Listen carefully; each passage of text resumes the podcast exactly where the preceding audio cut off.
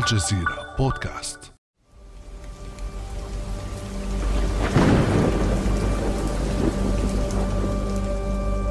عاد الشتاء ومعه برودة الطقس والأجواء الماطرة التي تدفعنا للتجمع حول مصادر التدفئة هربا من ألم المفاصل ونقص المناعة. فنحن نعيش في عصر الإنسان الهش الجالس لساعات طويلة خلف المكتب دون رياضة ودون حراك بعيدا عن ضوء الشمس مستعينا بالمكملات الغذائية والفيتامينات.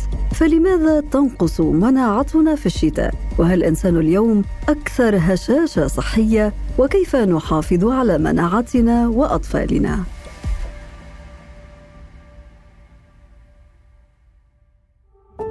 بعد أمس من الجزيرة بودكاست أنا أمال العريسي.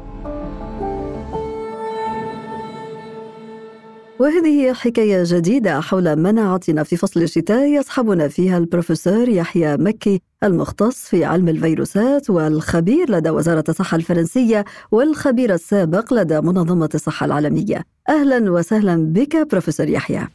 أهلا وسهلا تحياتي لك الأخت آمال ولكل المستمعين الكرام ونحييك على كل ما تتطرقين له من موضوعات مهمة جدا تخص المواطن وتخص الشخص والإنسان سواء من ناحية الصحة والوقاية وتوصيل المعلومة الحقيقية. بداية بروفيسور يحيى دعنا نوضح بشكل مبسط ونفهم آلية عمل جهاز المناعة في جسم الإنسان. جهاز المناعة في جسم الإنسان هو جهاز جد مهم وأساسي للحياة فيتكون الجهاز المناعة عند الجنين في بطن أمه. من بعد 22 أسبوع من الحمل يتطور جهاز المناعة وتطور الإنتاج الأجسام المضادة ال IgG وال IgM وتتطور الخلايا المناعية. وهنا جهاز المناعة تقريبا ثلاث أنواع. فيه المناعة الخلوية التي هي ثمانية و natural killers NK وكذلك ال macrophage. وفيه المناعة بالأجسام المضادة التي هي الخلايا الليمفاوية باء وكذلك عندما يدخل أي ميكروب عند الإنسان خلايا الإنسان تطور ما يسمى بال cytokine بروتينات ال cytokine عندنا من واحد إلى 27 بروتين هذه. هذه كلها تلعب المنع منها من تعطي ارتفاع الحرارة والحمى عند المريض مثلا بالفيروسات أو البكتيريا. فعندنا ال interleukine واحد وال interleukine ستة وال interleukine 12 وفيها كثيرين. وفيها من تعطي الالتهاب وفيها من تهاجم العضو الخارجي كفيروس أو كبكتيريا أو كطفيليات. إذا يمكن القول أنه الجهاز المناعي لدى الإنسان هو خط الدفاع الأول الذي يرسل الأجسام المضادة لمحاربة الأمراض الفيروسية وغيرها. طيب ما هي أهم المكونات الرئيسية التي يحتاجها جهاز المناعة في جسم الإنسان؟ أهم مكونات هي أولا الجسم السليم كيف يكون الجسم السليم؟ لا ندخل مواد سامة التدخين الخمور المخدرات السكريات الكثيرة. عدم هذه كلها تضعف المناعة وتدمر الخلايا. نعرف بأن الخمر يدمر خلايا الكبد وخلايا الدماغ. التدخين يدمر كل خلايا الجسم. المخدرات كذلك تدمر خلايا الدماغ خلايا العقل خلايا القلب وخاصة الكبد. والمدخنين وشرب الخمر والمخدرات تسهل العدوى بالميكروبات. ومن يتعاطى المخدرات والخمر فكذلك أكرمكم الله يتعاطى الزنا. وعندنا رزمنة من الفيروسات والبكتيريا تعدي الإنسان عن طريق الزنا العلاقات الجنسيه الغير الشرعية وبدون وقاية وبدون غشاء واقي. فما يحتاجه الجهاز المناعي يحتاج الجسم السليم يحتاج التغذية السليمة والمتوازنة. يحتاج إلى الشمس أكبر مكون للمناعة وأكبر حامل إنسان من الميكروبات هي الشمس. فنقص الشمس على الجسم ينقص الفيتامين د والفيتامين د التي هي تتكون في العظم الإنسان فهنا يكون أقل فيتامين د فأكثر عدوى وأكثر إصابة. ولذا كل الذين أصيبوا بالكوفيد كنا نعطي لهم الفيتامين د والفيتامين سي ونعطي لهم الزنك والمغنيسيوم.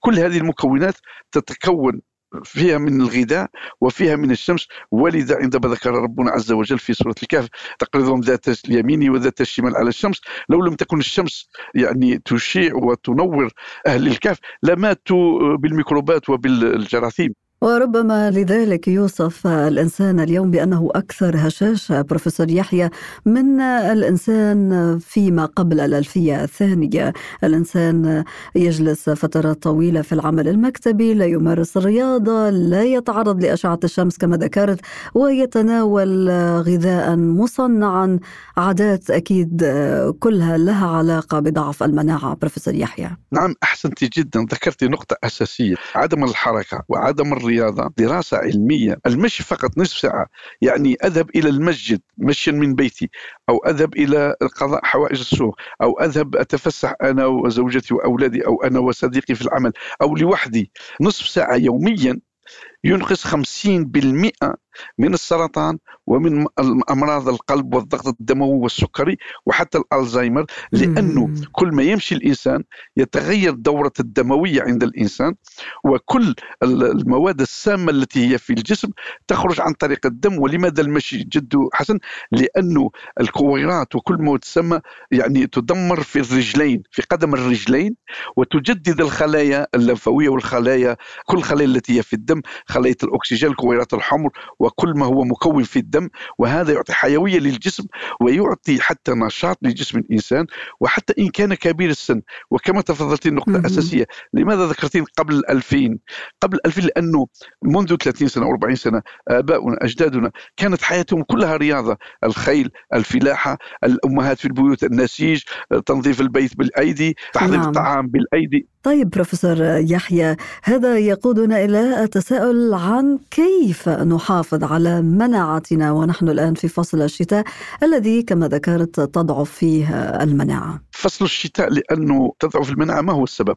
قلة الشمس، اغلاق في المدارس، الإغلاق في الجامعات، الإغلاق في البيوت، الاكتظاظ السكاني 50 طفل في الأقسام في بعض الدول، في الجامعات مدرج فيه 1000 1500 طالب. الحضور في قاعات مغلقة الحضور في عمارات الإدارة يوجد في المطعم تقريبا 2000 شخص ما بين الحادي عشر إلى الثانية زوال للأكل في المطاعم العامة.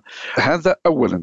النقص الشمس الاكتظاظ وفي فصل الشتاء خاصة ماذا وجدنا مثلا أين أكبر أزمة للجهاز التنفسي هي عند مدارس الابتدائي والأطفال الصغار لأن الآباء والأمهات يأتون بالسيارات ليوصلن أبنائهم إلى المدارس الابتدائية وإلى الحضانة وفيه أمهات وأطفال ينتظرن لفتح المدرسة فالذين هم ينتظرون يصابون بكل ما تلوث السيارة ترميه من الأكسيد الكربون فأكبر أطفال الذين يصابون بالربو هو بسبب الاكتظاظ السيارات وعوث النفايات الاكسيد الكربون هذا سبب الالتهابات نعم. سبب الحساسية وسبب الربو.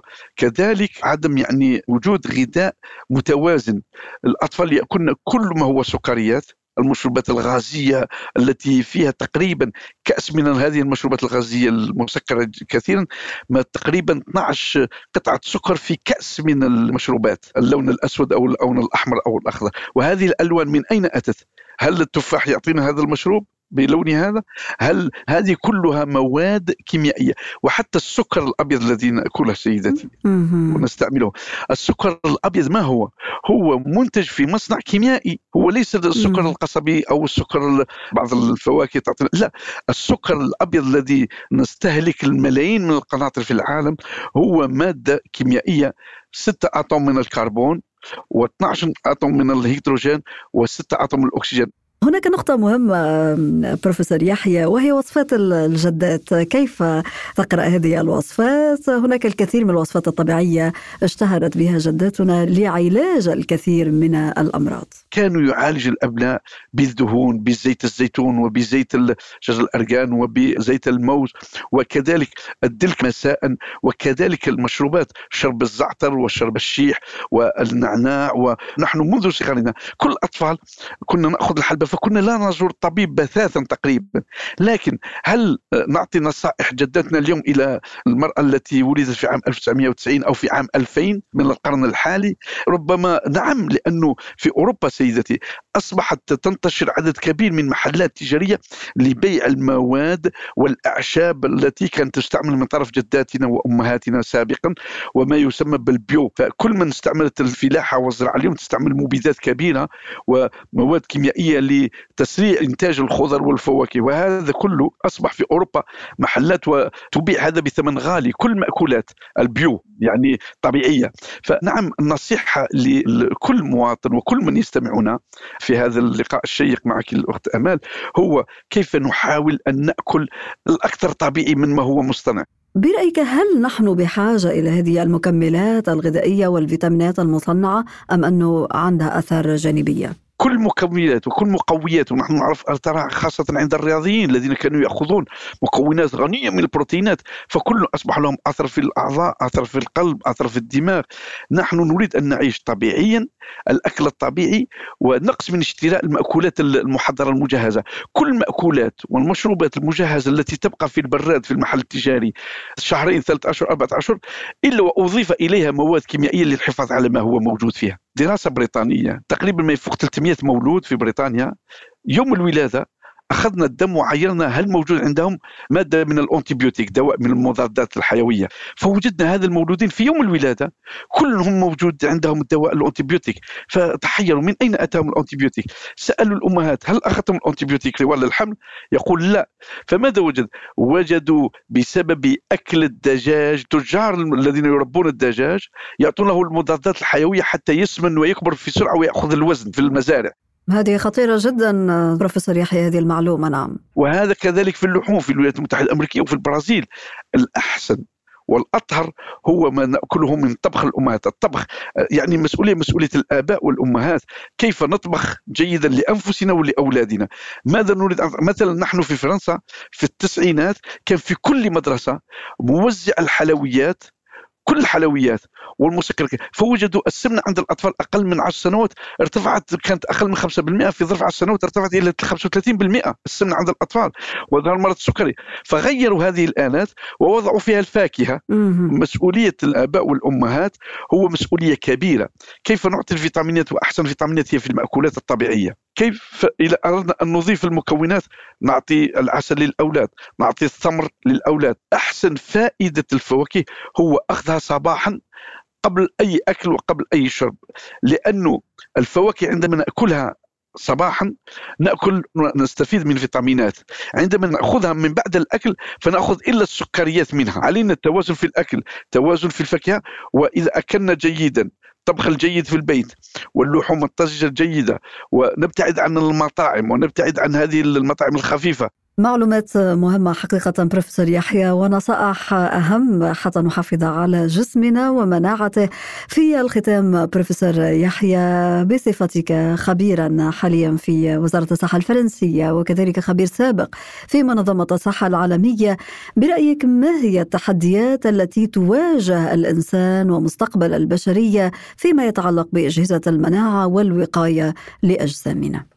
الحياة اليوم أصبحت صعبة لأنه لا نستطيع أن نفصل ونعيش كعالم آخر في قوقع هو كيف يكون فيه توازن ما بين الغذاء وما بين الرياضة الحركة؟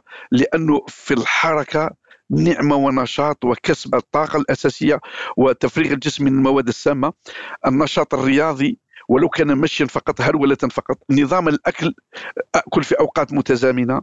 كذلك ما ما أثر علينا في المناعة هو استعمال كل ما هو إلكتروني النميريك الهايفون التليفون الكمبيوتر التلفزيون. فيه سيدتي من يقضي على الأقل أنا درت قمت بدراسات سيدتي كل التلاميذ والأطفال وحتى الآباء يقضون ما فوق خمس ساعات يوميا وهم على التواصل الاجتماعي وعلى الإلكترونيك وحتى عندما ينوم ينوم بالهاتف عند رأسه.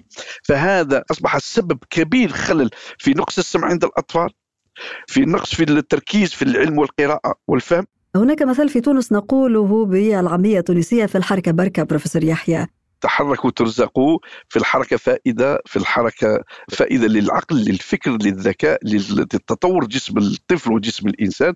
وكذلك للنشاط لكبار السن.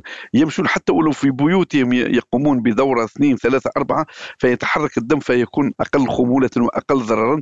وكذلك شرب الماء على الأقل لتر ونصف لترين في النهار لأنه كل عمال الموظفين في الإدارة وهم في عمارات 100 طابق لا يتحركون ولا يخرجون ولا يشربون لأنه يبقى ماكد في عمله فشرب الماء الأكل الطيب أو المتوازن ليس الأكل الغني والثري لا الأكل المتوازن والحركة والنوم كذلك وهذا أساسي جدا لأنه وجعلنا النوم سباثا النوم فيه نعمة لراحة كل الجسم ولتكون هرمونات جديدة ولتطور المناعة الجديدة. الإنسان يكون تعبان في جسمه ينام بعد النوم يرتاح. أين أتت الراحة؟ الله سبحانه وتعالى عوض كل هذا الضرر والسطر الذي كان في الجسم بالنوم بتغير الهرمونات وفي تغير الهرمونات فتصبح الجسم من جديد يكون ناشط فالنوم قبل 12 ليلا النوم قبله جد مفيد لجسم الإنسان وخاصة للأطفال قبل الساعة نعم. التاسعة ليلا هذا جد فعال للأطفال للذاكرة للعقل